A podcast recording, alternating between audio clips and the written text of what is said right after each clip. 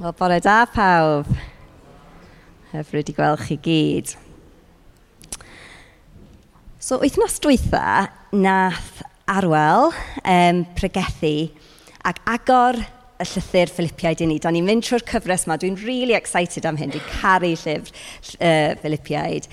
A nath um, Arwel agor uh, yr adnodau gyntaf i ni lle mae Paul yn, yn dechrau llythyr gyda geiriau anogaeth i, Grisnig, i Grisnogion Philippi bod Dyw am cario ymlaen y gwaith da mae wedi cychwyn ynddyn nhw pan oedd wedi mynd yna um, rhyw deg mlynedd. Um, pan oedd y Crisnogion cyntaf wedi dod um, i nabod Iesu rhyw deg mlynedd cynt. A os ydych chi'n cofio, nath, um, ar ôl sôn am anogaeth mae Paul yn rhoi i'r Grisnogion i dyfu mewn cariad, dealltwriaeth a'r gair newydd na, pwy sy'n cofio fo? Bicheb. Ie, yeah, ar ôl hyn. Oedd o'n pregeth gwych. Os nathach chi ddim clywed o, please grandwch nôl ar um, y podcast. So dyna oedd cychwyn y llythyr, yr anogaeth yma i'r Philippiaid. A da ni'n symud ymlaen heddiw edrych ar darn lle um, mae'r ffocws yn, yn symud tipyn bach a mae, mae o fel bod Paul yn rhoi update i'r eglwys yn Philippi am ei sefyllfa fo ei hun. So yn y darnau hwyrach yn y llythyr dros y misoedd nesaf, fyddwn ni'n dysgu mwy am Philippi a, a, a cyd-destun fama. Ond heddiw, da ni'n ffocysu mwy ar, ar Paul, a'r sefyllfa oedd o yn sgwennu oddi wrtha. Ond cyn i ni sbi ar yr, um, uh, y testyn ei hun, cyn i ni wneud ei fewn, so ni licio jyst meddwl am y gyd-destun o'r byd yna yn yr amser yna. Fel byddwn yn gweld pan da ni'n cychwyn darllen yr adnodau, mae Paul yn sgwennu'r llythyr yma o'r carchar. Ond dydy o ddim yn deud yn union lle mae o. Doedd yna ddim GPS. Um, da ni'n gallu gweld ar y map lle oedd o. Um, a mae yna dau fel prif sort of school of thought o lle mae'r llythyr wedi cael ei sgwennu o. Mae rhai yn meddwl oedd yn y carchar yn y rhifau, um, a unau mewn carchar neu rhyw fath o house arrest, a mae rhai yn meddwl bod o mewn carchar yn Ephesus.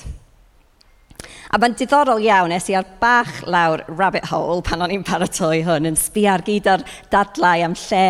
Um, tod, y, y rhesymau oedd pobl meddwl oedd o'n rhifain, y rhesymau, nhw'n meddwl oedd o'n en Ephesus.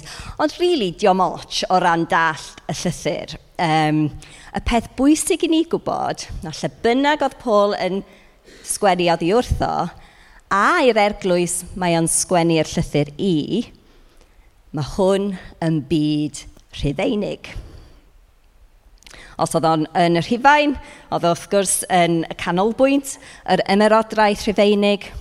Ond oedd Ephesus hefyd ag oedd Philippi yn diddorol yn wladfa Rhufeinig a llefydd bwysig iawn, gwleidyddol ac economaidd i'r ymerodraeth Rhufeinig. Yn y byd Rhufeinig, cesa oedd y frenin yr ymerawdwr, yr emperor. Ar y pryd, yr emperor ymerawdwr Nero oedd yn ternasu.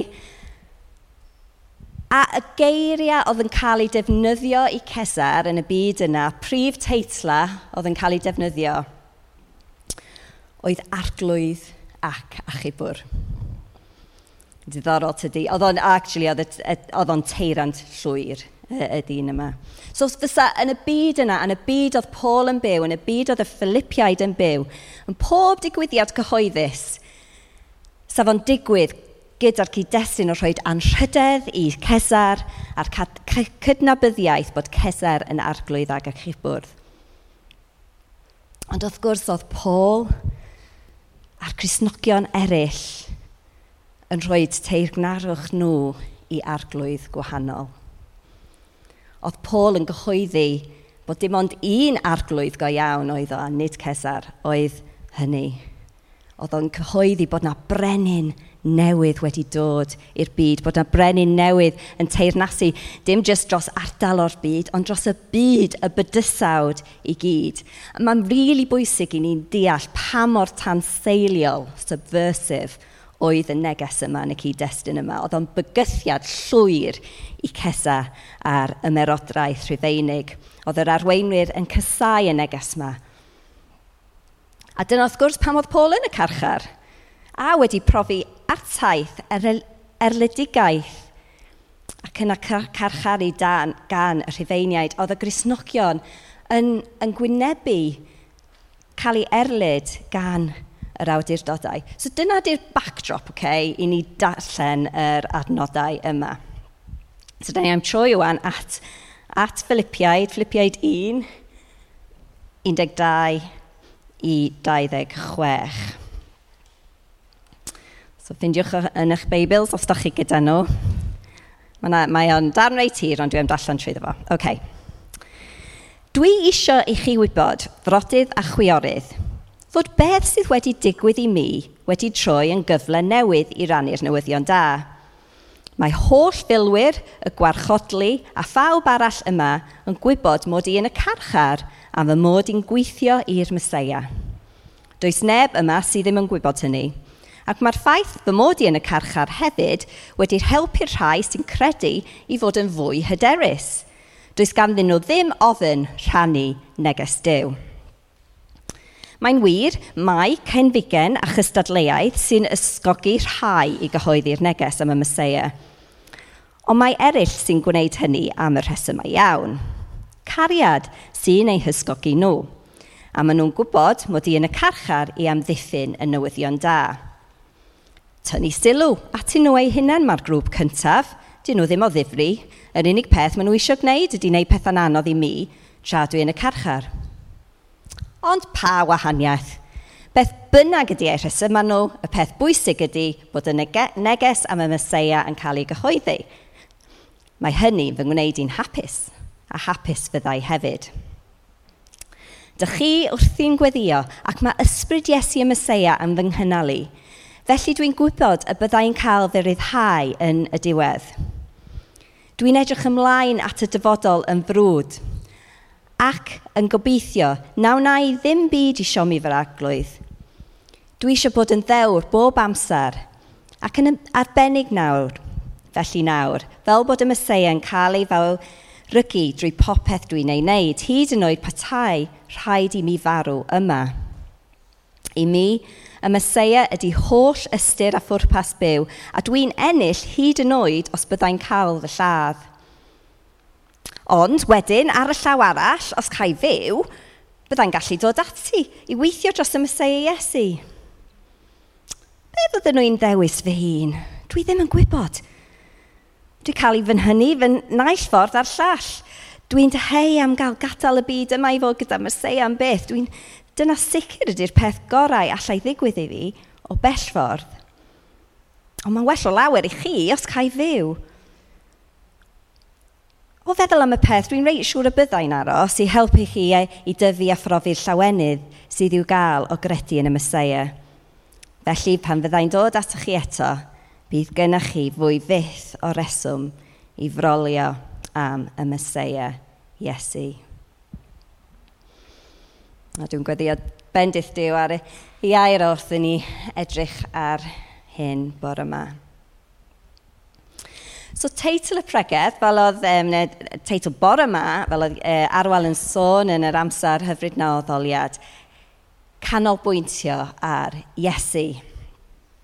A wrth i fi'n paratoi ddoi, o'n i trio ffindio strwythyr i'r pregeth bore yma. Be oedd y prif pwyntiau o Dew eisiau fi rhannu? A o'n i just dod nôl i Iesu, Iesu, Iesu. Dyna oedd fy is-deitlau, a wedyn o'n i'n meddwl oedd hwnna ddim yn helpful iawn um, i helpu ni canolbwyntio bore yma. Ond mae'r testyn yn sôn 11 o weithiau am Iesu, a dim ond 15 o'r adnodau mae am hwn just, mae Paul mor ffocust ar Iesu, a'r gwaith o rhannu am yr efengil. So nes i mynd y bellach na just Iesu, Iesu, Iesu. Mae gennym ni tri um, pwynt dwi'n meddwl da, um, Dew ni eisiau ni edrych ar bore yma. Iesu ar waith ym mhob amgylchiad. Iesu yn sofran dros bob ymerodraeth. Iesu yn heiddi ein ffocws a defosiwn. So dyna fyddwn ni edrych ar heddiw a wedyn crynhoi yn y diwedd trwy rili really meddwl be mae hwn yn deud i ni heddiw.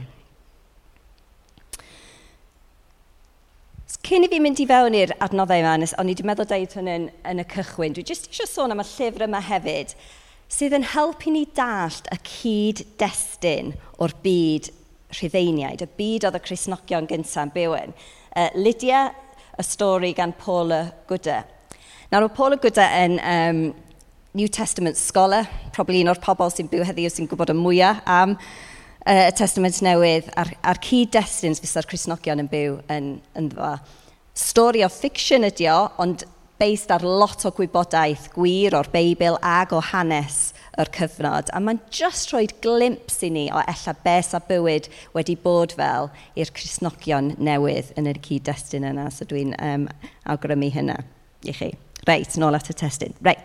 Mae Paul yn cychwyn trwy cyfeirio at, yn adnod 12, Be sydd, mae, be sydd wedi digwydd i mi wedi troi yn gyfle newydd. Er bod rhywbeth drwg wedi digwydd, mae o wedi troi yn gyfle newydd. Ydych chi erioed wedi trio gwneud rhywbeth, mae'r gwrthwyneb yn digwydd. Chi'n bod tran chi'n trio cae tap a mae mwy o dŵr yn dod allan. Oedden ni ar wyliau wythnos dwytha um, gyda mam a gyda fy chwaer a'i theulu. Ac um, o'n i'n gwario lot amser hefo um, nisus bach fi Carys ac Elsie.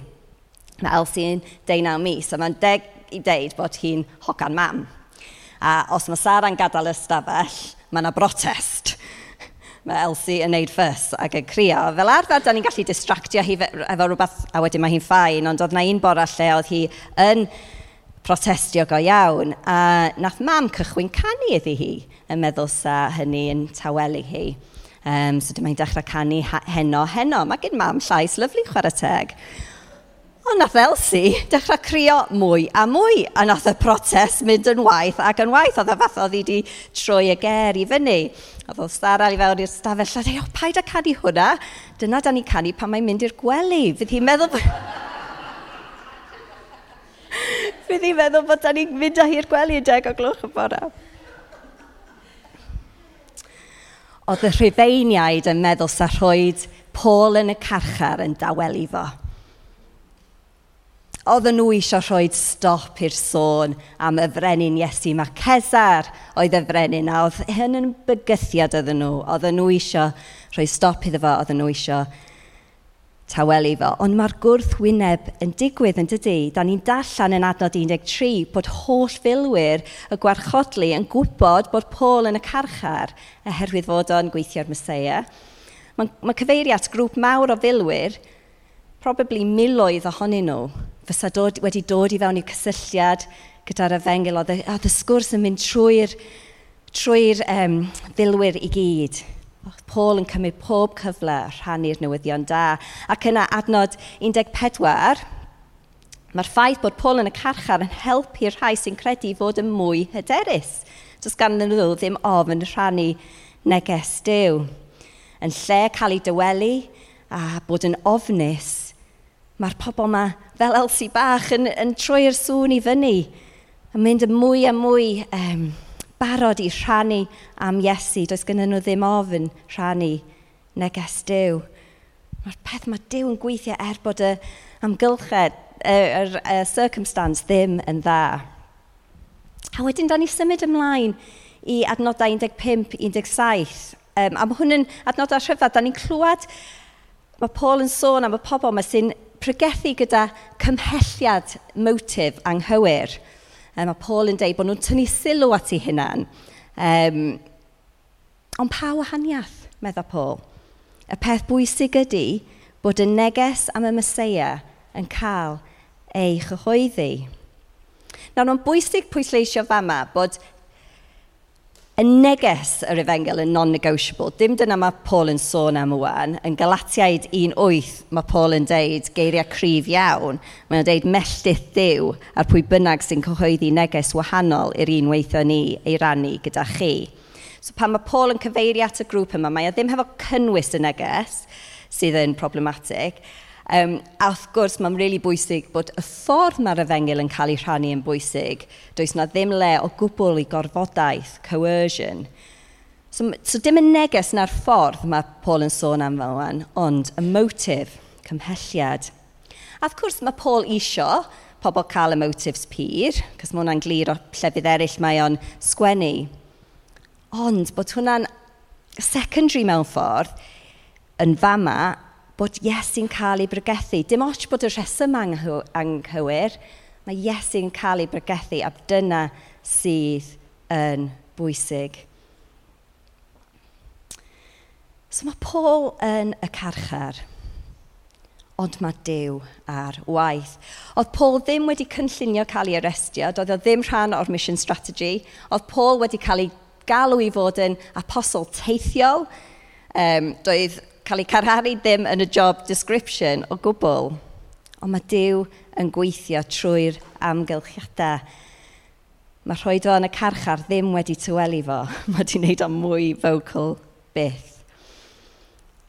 Er gweitha um, y hostility y rhufeiniaid, er gweithio bobl yn pregethu gyda cymhelliad anghywir, mae Christ yn cael ei pregethu. Sgwn i os oedd Paul yn eistedd yn y carchar yn Rhifainau Ephesus. Os oedd o wedi clywed can Dafydd Iwan yma o hyd, ellas oedd o wedi sgwennu penod newydd. Nes i rhoi go arno fo ddoe. Er gweithaf y ceiswyr sylw, er gweithaf hen cesar a'i gryw, mae Dyw dal ar waith trwy ei bobl, a mae efengil i Iesu Grist yn fyw. Sorry, Dafydd Iwan am hynny. Diolch, o'n i'n reit proud o'n i. A mae Paul yn llawen hau oherwydd bod pobl yn clywed yn ei neges am Iesu.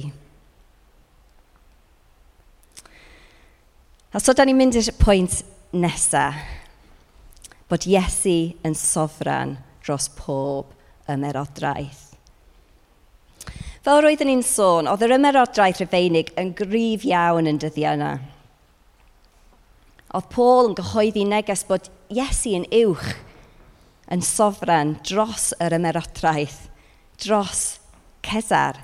Dyna pam oedd o yn uh, carchar. A so hwn wedi swnio'n yn nonsens llwyr i rai bobl wrth i'n clywed hyn, yn gweld pwer a grym y rhyfeiniaid – yr ymerodraeth yn tyfu ar draws y byd. Oedd eu pwer nhw, mae'n anodd i ni dall, dwi'n meddwl, pa mor bwerus oedd nhw. A dyma prif apostol, y ffordd newydd yma, y, y grisnogion, mae yn y carchar.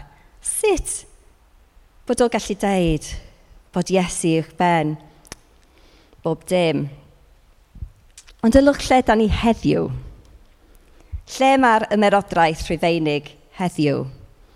Yn y diwedd, nathyn nhw cymryd drosodd lot o'r byd, nathyn nhw wneud... Ie, yeah, mae'r ma, e, e, ma impact nathyn nhw cael yn enfawr. Ond, rhyw 400 mlynedd wedyn ddoth o'i ddiwedd. Heddiw, adfeilion sgynna ni de, fel y segontiwm yma yng Nghynarfon. A beth am yr eglwys?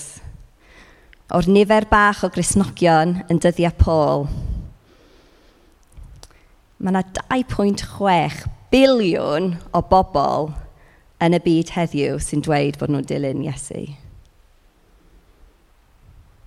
Mae'r eglwys wedi tyfu, mae Dyw wedi bod ar waith. Mae Iesu yn sofran. Mae ymodreithau'r byd yn dod a mynd. Mae llywodraethau yn dod a mynd, ond mae teirnas Dyw yn tyfu a atha. A mae hwn yn neges sydd mor bwysig heddiw ac oedd o dwy flynedd, o fly, dwy fil o flynyddoedd yn ôl.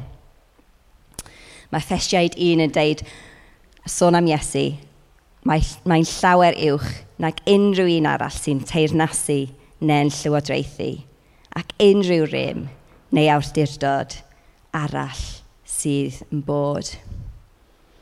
A mae hynny'n wir i ni pan da ni, allai da ni'n mynd gwynebu cesar yn yr un ffordd a'r ymerodraeth yn yr un ffordd. Yna pwerau a mae yna systemau sydd yn yn erbyn ni yn bywyda ni, does? Ond mae Iesu drostyn nhw, mae Iesu mwy pwerus, mae Iesu yn teirnasu. Ond er bod Iesu'n sofran, mae yna erledigaeth yn dal i digwydd heddiw, wrth gwrs, yn y byd. A dwi jyst eisiau pwysio heddi rwan am eiliad bach i sôn am gwaith Open Doors, um, y lusen sydd yn cefnogi uh, Cresnogion sydd yn cael ei erlyd. A maen nhw'n deud bod yna 360 miliwn o grisnogion yn dioddaf lefelau uchel o erlyd a gwahaniaethu, discrimination, am ei ffydd. 360 miliwn o bobl. Mae hwn yn rhestr gwylio'r byd, uh, the World Watch List, a mae yna rhai yn, yn y cefn yn fanna. Y 50 uchef, y gwledydd lle mae Cresnogion yn mentro popeth er mwyn Christ. Mae yna pobl heddiw sydd yn gwynebu artaith, erledigaeth cael ei carcharu hyd yn oed marwolaeth am ei ffydd. A dwi'n siŵr bod y neges bod Iesu yn sofren dros pob llywodraeth a pwer yn anogaeth i nhw. A un diwrnod bydd pob glin yn plygu enw Iesu. A bydd pawb yn cynnabod bod Iesu Grist ydy'r arglwydd, ond heddiw rwan mae yna pobl yn mynd trwy pethau ofnadwy a mae yna um, cyfle i ni fel Grisnogion mewn gwledydd sydd ddim yn gwynebu pethau fel yna i weddio dros y pobl yma. Mae'n bwysig i ni wneud hynny. Um, mae yna criw o'r capel, um, Maggie a mam a eraill yn cyfarfod, um, pob, dwi'n meddwl pob yn ail nos sil. Pob nos sil.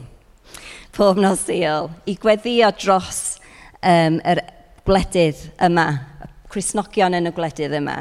Um, Os da chi eisiau gwybod mwy am hynny a ymuno, siaradwch efo mam neu, neu magu. Ond y pwynt y dydio, mae ma Iesu yn sofran. A mae rhaid i ni, mae'n bwysig i ni gweddio, datgan bod o'n sofran dros y gwledydd yma a gweddio am y grisnogion sydd o dan y lledigaeth. Ac yna, da ni'n mynd ymlaen i'r pwynt ola, adnod 19 i, 10, i 26. Nawr, os da chi'n cofio um, yn y hanner yma o'r testyn, mae Paul yn troi i sôn am ei dyfodol. A mae o'n gwynebu rhyw fath o dilemma, dydy. Mae o'n sort of mynd ymlaen. Mae debyg o'r adnodau yma bod yna achos llys yn dod i fyny, um, lle fydd yna penderfyniad os mae o am gael ei ladd neu i ryddhau. A da ni'n cael cipolwg o'r reslo yma, y rhesymu mae Paul yn mynd trwy wrth i fel gwynebu hyn. Mae'n sôn am un senario, execution, Ond yn y sefario yna fydd o cael y gwobr ultimate, sef Christ ei hun, a da ni, oedden ni dallan yr, yr adnod reit um, adnabyddus yna, adnod 21, um, Saesneg, efallai well, mwy'n well known i rhai, and for me to live is Christ and to die is gain. Mae arfod i, arfod i i mi, y Mesoea ydy holl ystyr a phwrpas byw, a dwi'n ennill hyd yn oed os byddai'n cael fy lladd. So dyna di un senario. Wedyn mae'n deud yr ail senario, ond ar y llaw arall, os cael fyw, fyddai'n gallu dal ati weithio dros y Mesoea. A wedyn mae'n gofyn y cwestiwn i hun, beth swn i'n dewis? Er bod gynna bod ddim dewis, wrth gwrs. Mae'n dweud, dwi'n gwybod, a mae'n mynd nôl amlaen am y rheswm yma o, o, blaid un ffordd neu'r llall. Ond mae gen Paul ffydd yn does, ffydd mor grif. Mae ei dyfodol agos o yn ansicr, sgynno fo ddim syniad beth sydd am digwydd. Ond mae ei dyfodol dragwyddol o yn hollol sicr. A so mae o'n gallu deud, os dwi'n gadael y byd fa, mae o'n deheu am gael gadael y byd, fyddai gyda'r Mesoea am byth.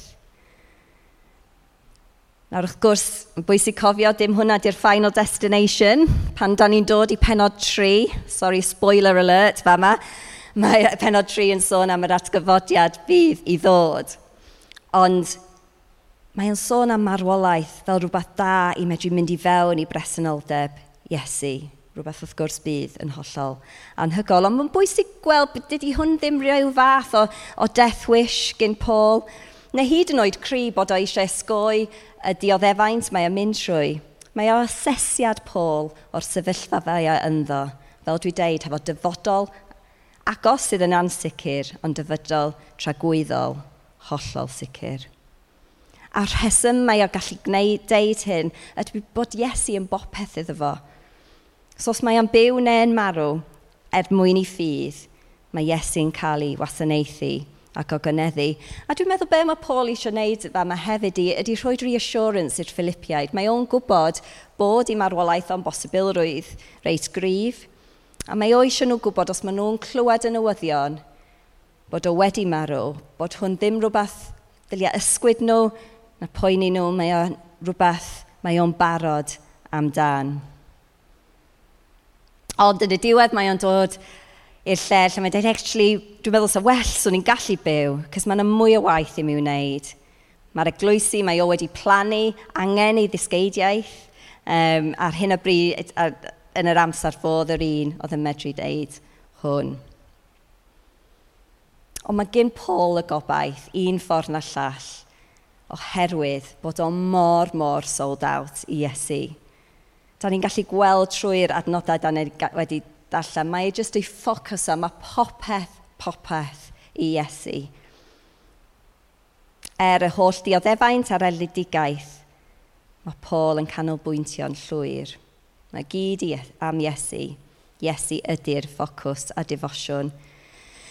A hwnna'n fflio'n yn erbyn y diwylliant o'r, or amser lle oedd pwrpas bywyd yn hunan boddhad, pwrpas bywyd i drifeiniaid fysa cael gymaint o pwer, gymaint o bres.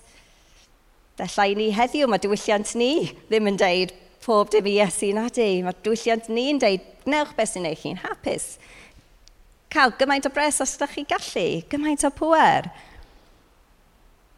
A mae yna her i ni yma lle mae'n ffocws ni, lle mae'n defosiwn ni. A dwi'n caru sut mae Paul yn gorffen yn cloi y, y darn yma o'r llythyr. Fel wythnos dwytha o'r un peth, mae o'n cloi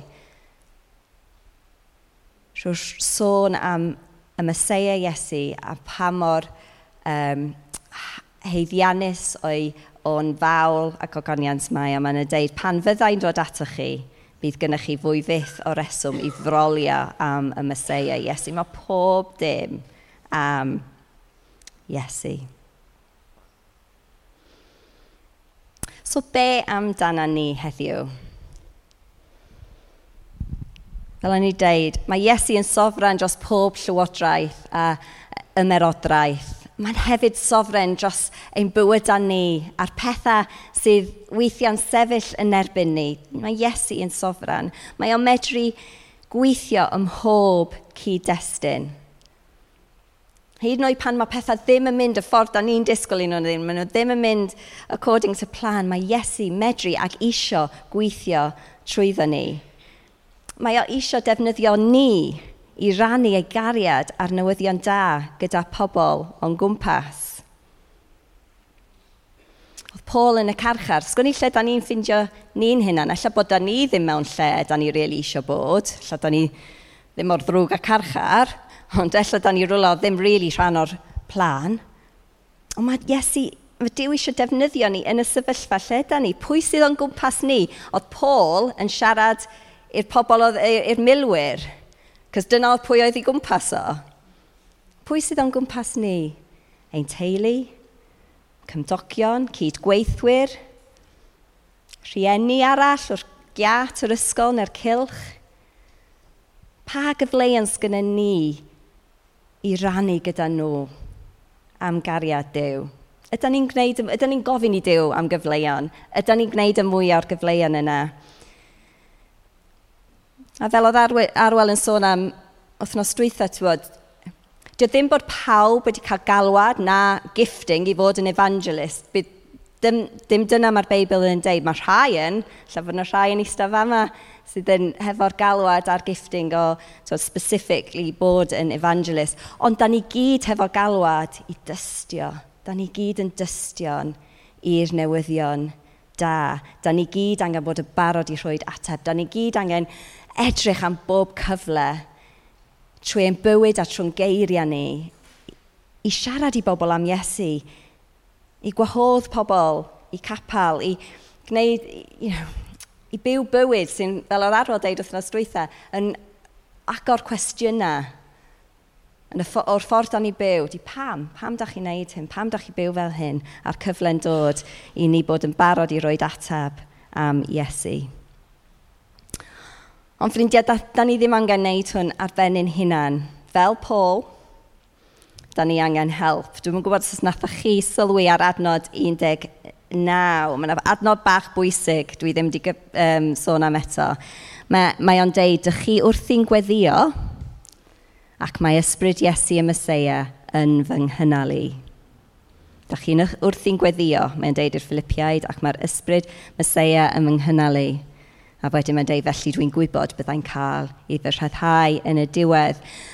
Mae Paul fel i ninnau angen help, a mae'r cymorth yma ar gael i ni gyd trwy gweddiau ein gilydd a trwy'r ysbryd glân. Be am i ni fod yn gwneud mwy o ymdrech dros y tymor nesaf i gweddio am ein gilydd, am cyfleon i rhannu'r efengil, am dewder i rhannu, Alla mae hwn rhywbeth da ni gallu wneud yn y grwpiau cymuned. Be am i wneud, wneud step i fyny dros y tymor nes, nesaf yma i weddio a mae'n brodydd a chwiorydd rownd y byd sydd yn gwynebu erlydigaeth. A hefyd gad i ni bod yn bobl sydd yn ysu am a gofyn am a derbyn yr ysbryd glân er mwyn i fo fogi ni i wneud yr hyn mae o wedi galw ni i wneud. A gadw ni fel Paul, trwy ein holl ffocws, ein holl sylw a'n defosiwn, i'r brenin Iesu. I'r un sy'n teirnasu llawer uwch nag unrhyw un arall sy'n teirnasu neu'n llywodraethu ac unrhyw rym neu awdurdod arall sy'n bod. be am i ni gweddio.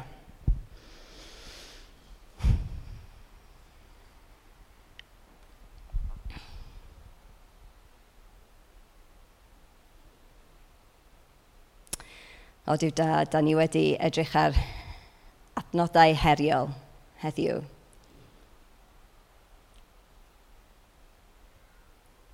Neu di helpu ni, Dyw, wrth i ni myfyrio dros yr hyn da ni wedi clywed. Dyw, da ni isio fel Paul i bod yn hollol sold out i Iesu.